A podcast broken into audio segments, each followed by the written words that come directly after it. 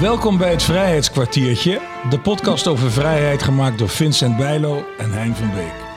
Praten over vrijheid is in een tijd waarin die vrijheid van veel kanten onder druk staat, heel erg belangrijk. Dat doen we in ongeveer 40 afleveringen van een kwartier met allerlei soorten mensen. Kunstenaars, wetenschappers, veteranen, journalisten, tentoonstellingsmakers, militairen. Allemaal vertellen ze verhalen van vrijheid om ze door te geven en het belang ervan onder de aandacht te brengen.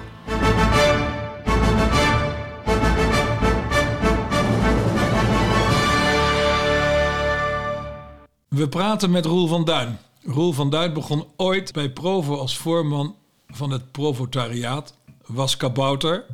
Er gaan veel kabouters op één zetel. Roel was boer, pacifist, groenlinkser, liefdesverdriettherapeut en schrijver.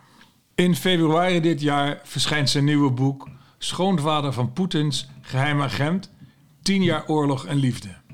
Daarin volgen we het verloop van Poetins vuile oorlogen en dat van Van Duins huwelijk met zijn Russische vrouw. Het is een zeer menselijk boek over een onbeschrijfelijke tragedie in een lichte stijl geschreven. Een boek dat de gruwelijkheden niet uit de weg gaat. Het laat genadeloos zien hoe de geschiedenis mensen uiteendrijft. Lang was Roel een overtuigd pacifist, maar oog in oog met de fascistische dictatuur en agressie van het Kremlin ontwikkelde hij zich van Provo tot NAVO. Ja, Rol, van Provo tot NAVO, eh, welkom. Uh, hier in de uh, Hotel de Wereld in de Gandhi. Alle kamers zijn hier vernoemd naar vrijheidsstrijders. je boek, dat legt een. een je, hebt, je behandelt twee parallele stromen eigenlijk. De, het, het verhaal over Poetin begint op 14 februari 2022 net iets voordat de Oekraïne-oorlog begint. En uh, het, de andere um, um, stroom in het verhaal begint in 2004. Na jouw ja. gebroken hart ja. en ja. je relatie Planet avontuur. Eigenlijk word jij meegesleept in de wereldgeschiedenis door jouw nieuwe vriendin. Kunnen we dat zo stellen? Ja. En um, hoe, hoe ging dat, hoe, hoe was dat begin met haar? Nou, Vincent, dat was een hoopvol begin. Uh, uh, ik vond het een ontzettend leuke vrouw en uh, dat, dat, was ze ook. En ik hoopte ook via haar de Russische wereld te leren kennen. En uh, ik hoopte ook dat de vriendschap tussen Rusland en Nederland zou, zou kunnen gaan, gaan groeien. Ik heb wel eens voor de grap gezegd: Nederland kan ook wel lid worden van de Russische Federatie. Ja. Maar dat was dus een totaal andere tijd. Want nu, nu is dat misschien een droom van Poetin, maar ik gruw van de gedachte dat hij Nederland zou overvallen. Het een beetje gevaarlijk zijn om dat nu nog te doen. Zoals er ooit ook is uh, sprake van was dat Rusland in de jaren negentig lid zou kunnen worden van de NAVO. Ja, zeker. zeker. Ja. Het, was, het was een hoopvolle tijd. Uh, ja, ik heb ook nog uh, een lezing gehouden in 2013. Dat was het vriendschapsjaar tussen Nederland en Rusland. Uh, ja, toen was het al een beetje verpest, maar officieel was het nog steeds vriendschap. En toen heb ik daarvoor een, een zaal met, met dappere mensen die tegen Poetin protesteerden. Uh, sommigen kwamen net uit de gevangenis. Heb ik daar een lezing gehouden in het Russisch. En het, ik had me helemaal ingeleefd in Rusland en ik vond het, uh, ik vond het geweldig. Ja, en, en, zij, en zij had Nederlands geleerd, dus het, het, was, ja. het liep allemaal goed. Nee, maar even die lezing, dit was, dat was. Uh, uh, dat jij daar stond en dat je dacht van ja, maar wat zijn er toch onnozele, stomme verhaaltjes eigenlijk die ik aan het vertellen ben hier. Want hoe streelzacht waren de knuppels ja. van de Amsterdamse politie. Ja. Maar toen, tot je, tot je grote geruststelling, vonden zij het waanzinnig spannend daar in Moskou. Ja, Hoe jij dat vertelde. Kijk, ik vertelde bijvoorbeeld dat ik 30 jaar door, door de geheime dienst van Nederland was gevolgd. Uh, en dat ik daar stukken over had kunnen opvragen. En dat ik uh, 1500 uh, geheime documenten had gekregen van de Nederlandse overheid. Ja, dat vonden ze ongehoord. Dat, dat je van van, eh, van de autoriteiten iets loskrijgt op dat gebied, van de geheime dienst zelfs. Dat, eh, eh, ja, maar geheime dienst lief betekent dus ook iets heel anders. Ja. Die, Ja. die, die hebben license to kill. Ja. Maar onze AIVD of BVD, ja, die verzamelen informatie. En dat kan wel eens vervelend zijn. Maar heel, heel erg gevaarlijk is het ook weer niet. Maar uiteindelijk is zelfs de geheime dienst eigenlijk de druppel eh, geweest die eh, de emmer van je huwelijk heeft doen overlopen. Ja, inderdaad. Want wat gebeurde? Mijn stiefdochter ging trouwen met een man van de FSB. Dat is de geheime dienst van Poetin. En Ja. die heeft als taak om de oppositie te bestrijden en kapot te maken. Dat zijn dus die jongens die eh, de aanslagen op Navalny bijvoorbeeld gepleegd hebben. En hem waarschijnlijk uiteindelijk vermoord hebben. En ja, eh, daar had ik. eh, ja, daar gingen mijn haren van overeind staan. Want ja, zo iemand in je familie, dat breekt het vertrouwen. Eh, Je zit samen aan, aan, aan de maaltijd met zo'n jongen en je vraagt: wat heb je vandaag gedaan? En hij zegt eh, bijvoorbeeld: eh, Ja, ik heb een rapportje geschreven. Terwijl hij in werkelijkheid een opposant blauwzuurgas in zijn gezicht heeft geschreven. Dat, ja, dat, dat is een onmogelijke wereld, daar wil ik niets mee te maken hebben. Daar verzet ik mij tegen. Ik heb dat boek ook geschreven uit verzet tegen, tegen de dictatuur. Ja. Zodra ik hoorde dat eh, Poetin die grote invasie had gepleegd, nu precies twee jaar geleden. Toen heb ik ook op Facebook een, een, een oproep tot verzet voor burgers eh, tegen het Russisch fascisme geschreven. Ja, ja. Ja, want, maar laten we even teruggaan naar 2004 en 2022. Dus de twee, de Ja. twee beginpunten. Want eh, eh, wat, ik, kijk, wat ik zo mooi vind aan dit boek... is dat het, dat het eh, eh, genadeloos eh, de ontwikkeling van Poetin vanaf 99 eigenlijk de, de, de eh, bombardement op Belgrado... toen hij een enorme stok in zijn handen kreeg, dacht hij om, eh, om ons mee te slaan. Ja. Omdat hij vervolgens kon zeggen van, van bij alles van... eh, ja, jullie hebben toch ook in Belgrado dat gedaan, dus nou doe ik het ook lekker. Dus eigenlijk zijn ontwikkeling van 1999 tot 2022 beschrijf jij. eh, die genadeloze ontwikkeling tot het begin van die oorlog. En dat hand in hand met dat ontzettend mooie liefdesavontuur dat zich Ja. ontrolt van 2004. Want jouw Ja. vrouw, die schreef jou in het begin in het Russisch en jij kon geen Russisch. Nee, ik pakte een woordenboek. En eh woord voor woord ontcijferde ik wat wat zij schreef. En ja, eh, nou ja, zo, zo, zo leer je een taal. En eh, dat vond ik ook heerlijk, want daardoor kon ik die hele wereld van binnenuit bekijken. En met, met mensen direct praten. Was je eigenlijk daarvoor al eh, vertrouwd met, met, met Rusland? Of met... Nee, niet erg. Ik sprak wel Servo-Kroatisch. Maar ja, dat is Joegoslavisch. Ja. Dat, dat is, is enigszins verwant, maar eh, ja, dat is het toch niet. Het is een onderscheid zoals Nederlands en Duits. Ja, precies. Ja. En ehm, dus wat we dus doen als we aan het lezen zijn, dus dat, dat we eigenlijk, jij bent in het begin van die oorlog echt eh, ongelooflijk oorlogshongerig. Je krijgt oorlogskoorts, je wil alles weten. En, Ja. je, en je bent zo verschrikkelijk. Maar ja, de oorlog begon dus eigenlijk in 2014 met de Ja. groene mannetjes op de Krim. Hè? Ja, precies. Nou, en toen dat gebeurde, toen heb ik mij daar ook al eh, over verwonderd. En ik heb onmiddellijk een, een, een, eh, opiniestuk geschreven voor het dagblad Trouw. Met Mhm. de strekking van, ja, waarom doet het Westen niks? Waarom eh, eh, zit het zo tam toe te kijken? En dat is acht jaar lang is dat zo voortgegaan. Want ook toen in de Donbass in het oosten... Ja. eh, die, die Russische troepen daar eh, aanvielen... dat kun je wel zeggen onder het motto dat ze separatisten waren... Ja. En ook nog de, de, de MH17 hebben neergeschoten. Want dat, dat, dat gebeurde gewoon ook onder regie van, eh, van het Kremlin. Ja, toen heb ik me daar dus ook erg over opgewonden. En ik volgde dat allemaal uiterst nauwkeurig. En ik heb voortdurend heb ik gewaarschuwd tegen Poetin. Dat hij bezig was met een oorlog. En niet de eerste, want hij was het direct toen hij eh, minister-president werd, heeft hij, eh, heeft hij een oorlog gevoerd in Tsjetsjenië en daarna in Abhazie, daarna in Georgië. Toen hij op de Krim begonnen was, en duurde het ook niet lang meer of hij begon in Syrië heeft voortdurend. en geen dag, geweest, geen dag geweest dat hij geen oorlog gevoerd heeft. Nee, en, en in Syrië gebruikt als een enorm uitproberen gebied. Ja, zeker, zeker. Daardoor heeft hij een strategische meesterzet gepleegd eigenlijk. Want daardoor heeft hij in het Midden-Oosten stevige voet aan de grond gekregen. en van wie kreeg jij in, in die tijd wel support, zo 2014? Uh, ehm, nou ja, er waren dus wel enkele mensen in Nederland die zich er echt voor interesseerden.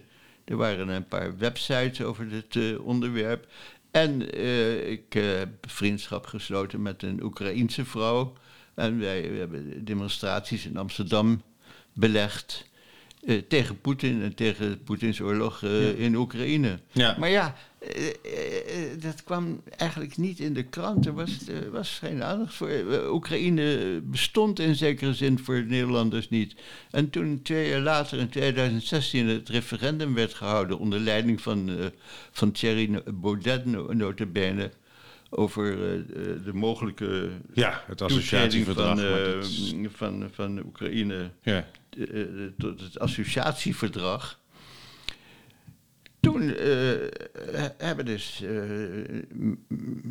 de meeste deelnemers aan het referendum, de meeste Nederlanders, die hebben tegen Oekraïne gestemd. En het merkwaardige is, dat gebeurt nog steeds, want we hebben nu een verkiezingsoverwinnaar met, die Wilders heet, die een vriend was van, van het Poetin-regime. Ja. Hij heeft in 2018 gezegd, ach, zo'n leider als Poetin, hadden we dat er maar in Europa. Uh, en hij verzet zich nog steeds tegen hulp aan, aan Oekraïne. Dus heel veel Nederlanders interesseert Oekraïne. Maar hoe denk je dat het mogelijk is, dus nu alle gruwelen gewoon geëtaleerd worden. Dat begon natuurlijk met, uh, met, met, met Bucha en met ja, Mariupol. Ja, ja. En, nou, is onlangs die documentaire van Mariupol. Hoe ver moet je in godsnaam gaan met het, met het uitserveren van die schurk? Ja. Voordat het iets. Is daar, is daar een verklaring voor? Ja, het is heel merkwaardig, want ook bij de laatste verkiezingscampagne is helemaal niet gesproken, geen, geen, met geen woord over de oorlog in de Oekraïne. Nee, nee. Uh, terwijl het een centraal thema is. De derde wereldoorlog staat voor de deur, maar het interesseert ons niet. Ja. hoe, is het, hoe is het mogelijk? Ja, ja ik, ik, uh, ik kan alleen maar denken dat het is een gebrek aan verbeeldingskracht ja. En het is een, ja, een vlucht, een soort angst voor de realiteit. Uh, een, ja, een, een soort uh, opsluiten in je eigen wereldje, dat, dat Nederland heet. Maar uh, je niet interesseren voor de wereld waarin Nederland zit. Maar te, tegelijkertijd is natuurlijk dat, dat de, de Europese politici altijd zeggen van uh, Rusland mag deze oorlog gewoon niet winnen, want het is ook onze oorlog. En uh, jullie vrijheid is onze vrijheid. maar tegelijkertijd zie je ook dat eigenlijk toch niet het maximale wordt gedaan om dat te bewerkstelligen. Nee, niet voldoende wordt gedaan zelfs. Nee. Want uh, er wordt wel gezegd, Poetin mag, mag deze oorlog niet winnen. Oh, en sommige politici zeggen nu, Oekraïne moet winnen, want uh, anders uh, dan loopt het verkeerd in het vervolg. En dat is ook zo. Oekraïne moet winnen. Maar ja, hoe kan Oekraïne winnen als het niet de middelen daarvoor krijgt? Als het niet voldoende uh, munitie krijgt? Artillerie, raketten, dat zijn toch de dingen waarmee je het, eh, het moet doen, helaas. Ja, wat, uh, ja, in je boek uh, vier je eigenlijk bijna als er weer eens een toezegging is gedaan. Dat je, zo heb ik het trouwens ook beleefd in die tijd. Want je, het, het, is raar. Wat jij ook beschrijft, mooi beschrijft, is hoe je zelf eigenlijk innerlijk verandert. Dus hoe je zelf op een, op een ander oorlogsniveau gaat denken wat je zelf totaal niet van jezelf had verwacht dat je het in je had. Nee, ik ben zelf uh, uh, een tegenstander geweest van de militaire dienst. Uh, Ja. Toen ik eh, gekeurd moest worden, toen stond er een. eh, toen kwam ik bij de kazerne en stond er een majoor voor de deur die tegen mij zegt: Ben je van Duin? Eh, rot er maar meteen op, want je bent één zak ellende. En ik was eh, heel blij, want ik dacht, nou, eh, eh, dat gaat aan mij voorbij gelukkig. Ja. Terwijl mijn eh, vrienden alle mogelijke moeite moesten doen om er onderuit te komen. Nu denk ik, ja, misschien is dat een fout van mij geweest. Eh, maar ja, de wereld is gewoon erg veranderd. We hadden toen Sovjetleiders die eh, over vreedzame co- coexistentie praten. En eh, ja, dat, Ja, maar ik denk was- ook dat ze, dat ze meer eh, het rijk, hun rijk wilden consolideren. Maar nu hebben we te maken met een agressieve eh, de tegenstander die echt wil veroveren, zoals Hitler wilde veroveren. Ja. Nou, en ik realiseer me nu dat je dus dan eh, met, met lege handen staat als je daar geen wapens in hebt. Dus ik ben lid van de NAVO geworden. Ja, van Provo tot NAVO, wat, Ja. wat hij al zei in de inleiding. Ja. En je, je pleit zelfs in het nawoord voor een, eh, voor een kernwapensgeld eh, van Ja. Europa, boven Europa. Ja, ja, wij moeten Poetin afschrikken. En Poetin chanteert ons met zijn atoombommen. Ja. Want daardoor zijn wij bang. Duitsland bijvoorbeeld lever- levert geen eh, Taurus-raketten.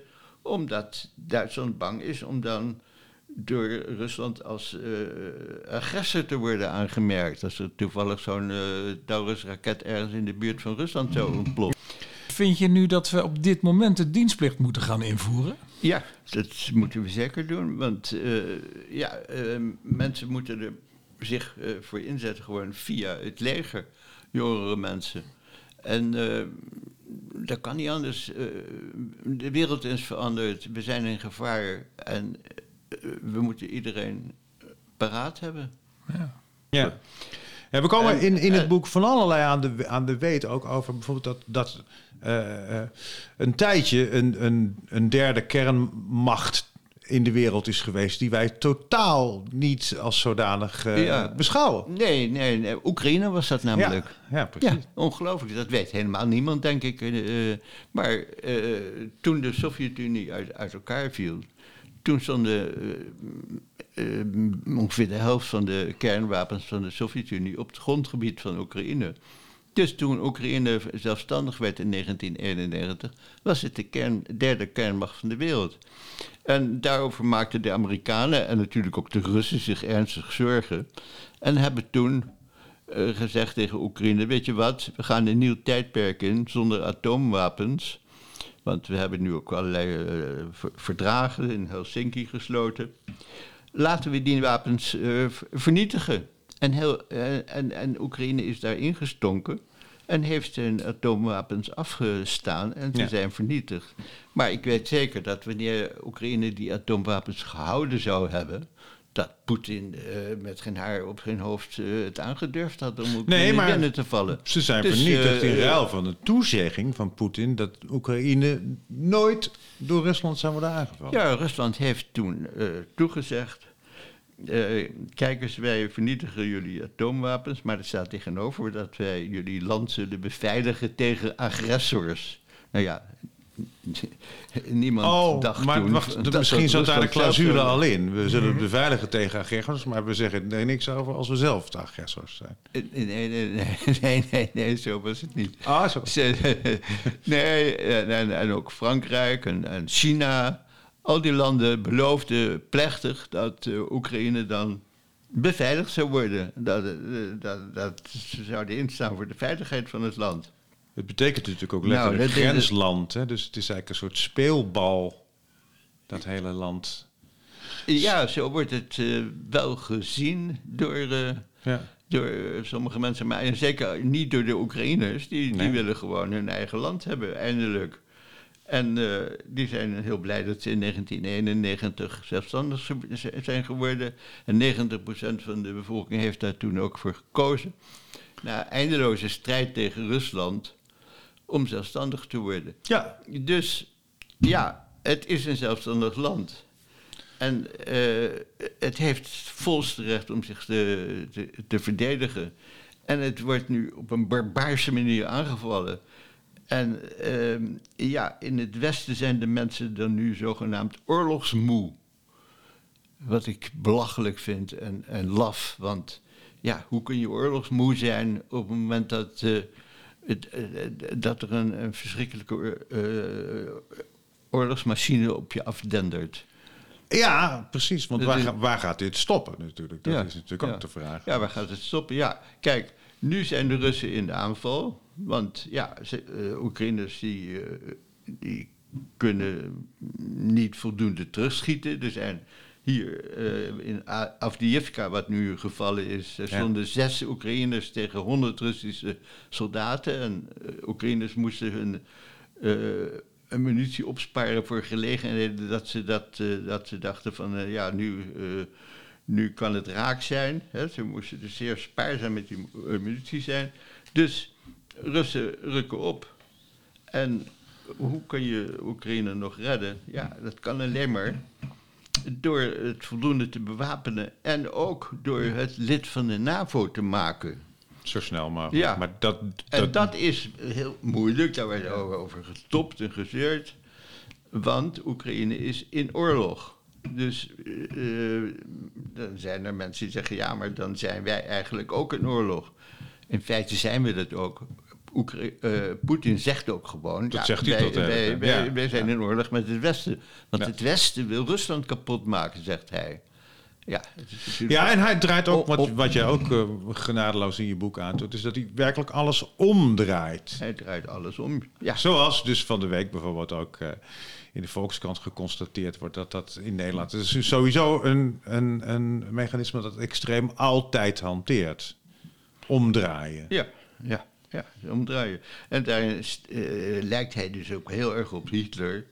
Die toen in Nederland aanviel, zei: Ja, wij moeten dit wel doen, want anders vallen de Engelsen eh, in Nederland om Ja.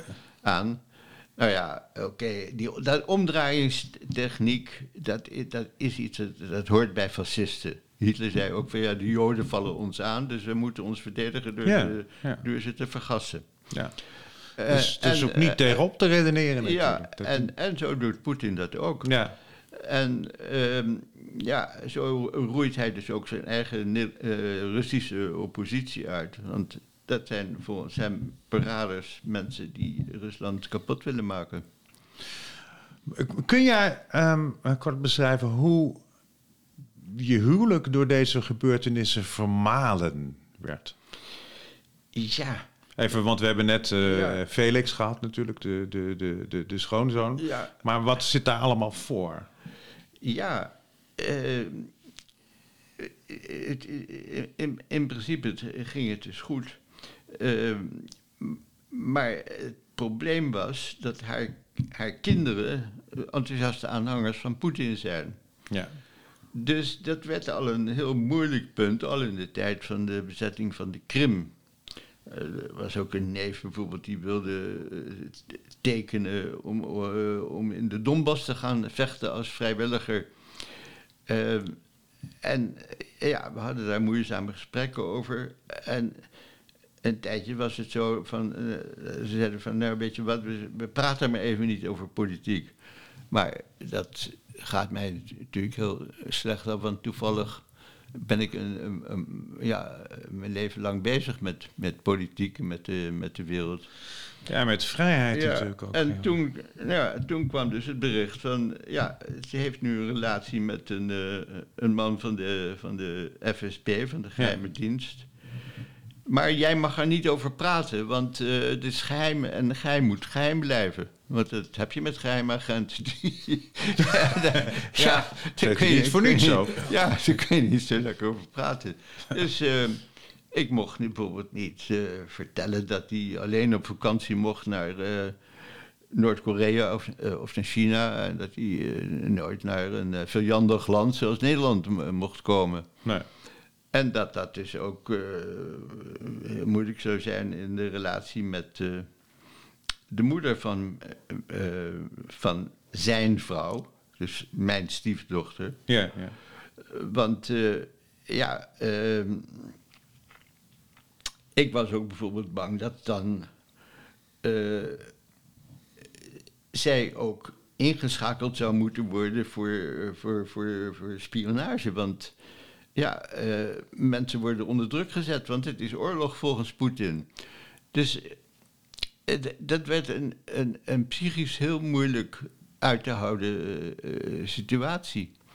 Ja, maar niet en ik heb dus ook geprobeerd om, om, om dat huwelijk tegen te houden. Ja, ja, Met, met allerlei eh, brieven, ja.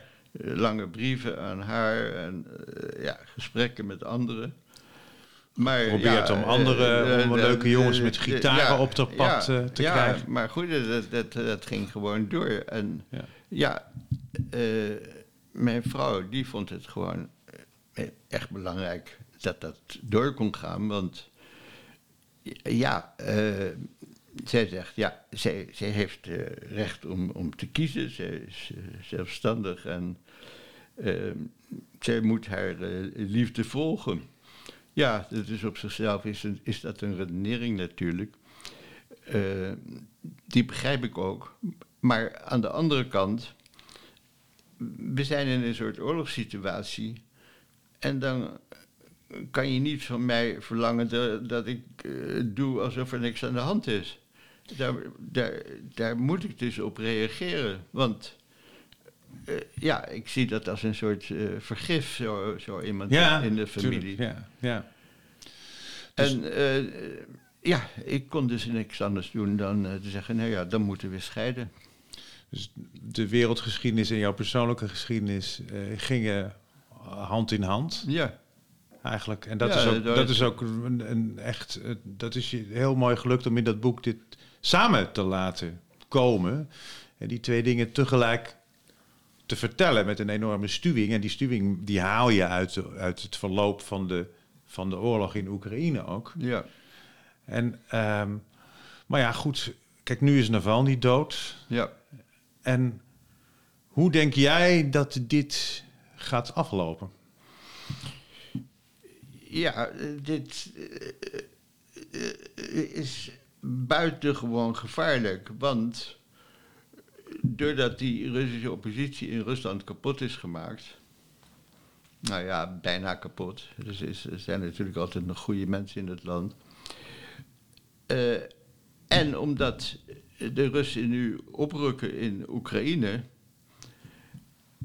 kan Poetin het heel goed in zijn hoofd halen om te doen wat hij heeft aangekondigd. Hij heeft aangekondigd, wij moeten dat hele gebied van het voormalige Warschau-pact moeten wij terug hebben. Dus heel Oost-Europa. Dat Ja. moeten wij terug hebben. Dat heeft hij gewoon Ja. gezegd, eh, geëist met een ultimatum. En ehm, ja, hij, hij zegt, ja, ik blijf tot 2036 eh, president. En dat zou ook heel goed kunnen. Dus in de loop van, van die jaren eh, wil hij dat allemaal gaan terugveroveren. Dat moeten wij dus tegenhouden, want dat willen die mensen helemaal niet. Die willen helemaal niet Gecombineerd met, te zijn, worden. Ja, eh, gecombineerd met de gigantische uitgaven voor defensie die hij nu doet. Ja, ja, ja, ja. Rusland heeft ongeveer een, derde van zijn begroting eh, ter beschikking van het leger en van de bewapeningsindustrie. En wij zitten hier over 2% eh Ja. te mieren. Ja, Eh, Trump zegt ja, als, als er eh, eh, zoveel Europese landen zijn die die 2% niet halen, dan mag Poetin doen wat hij wil met, met Europa. en, nu, en nu zijn er dus naïeve mensen die zeggen van nou, dan moeten we die 2% halen. Ja. Maar eh, die die 2% is in verhouding tot de oorlogsvoering van, eh, van, van Poetin eh, is niks. Duitsland heeft 200.000 soldaten en Rusland heeft er binnenkort 1,3 miljoen. ja. Dus ja, wij, wij hebben hier speelgoedlegertjes klaarstaan om die Russische aanval op te vangen.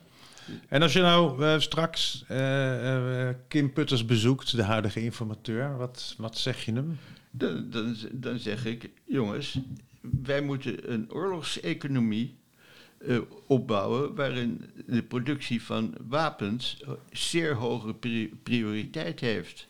Want ja, we moeten, we moeten veilig blijven tegen die aanval van, vanuit Rusland.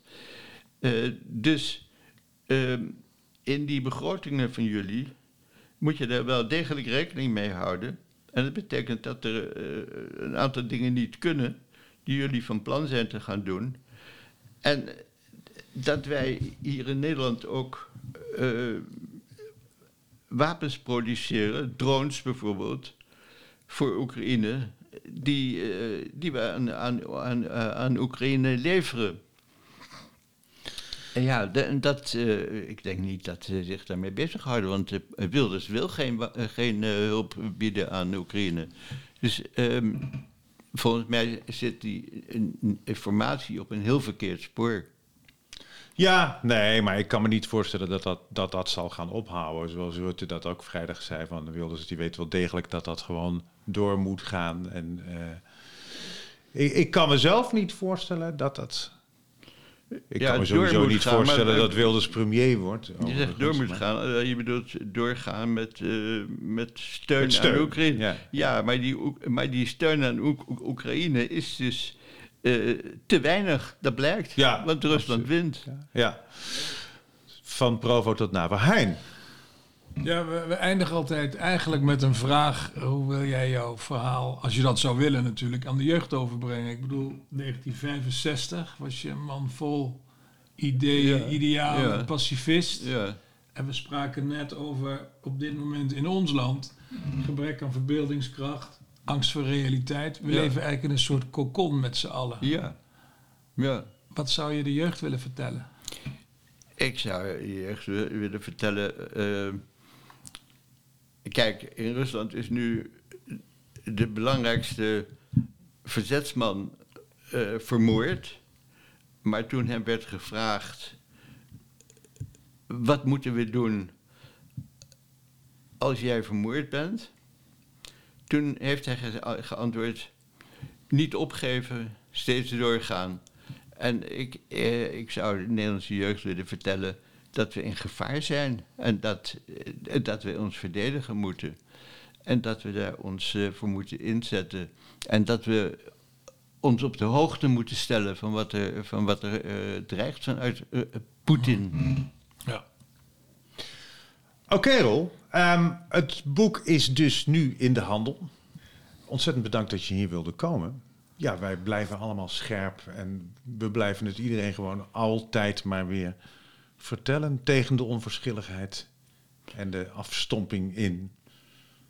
Laten we dat doen. Graag gedaan, eh, Vincent. Ik ben blij dat jullie er aandacht aan besteden.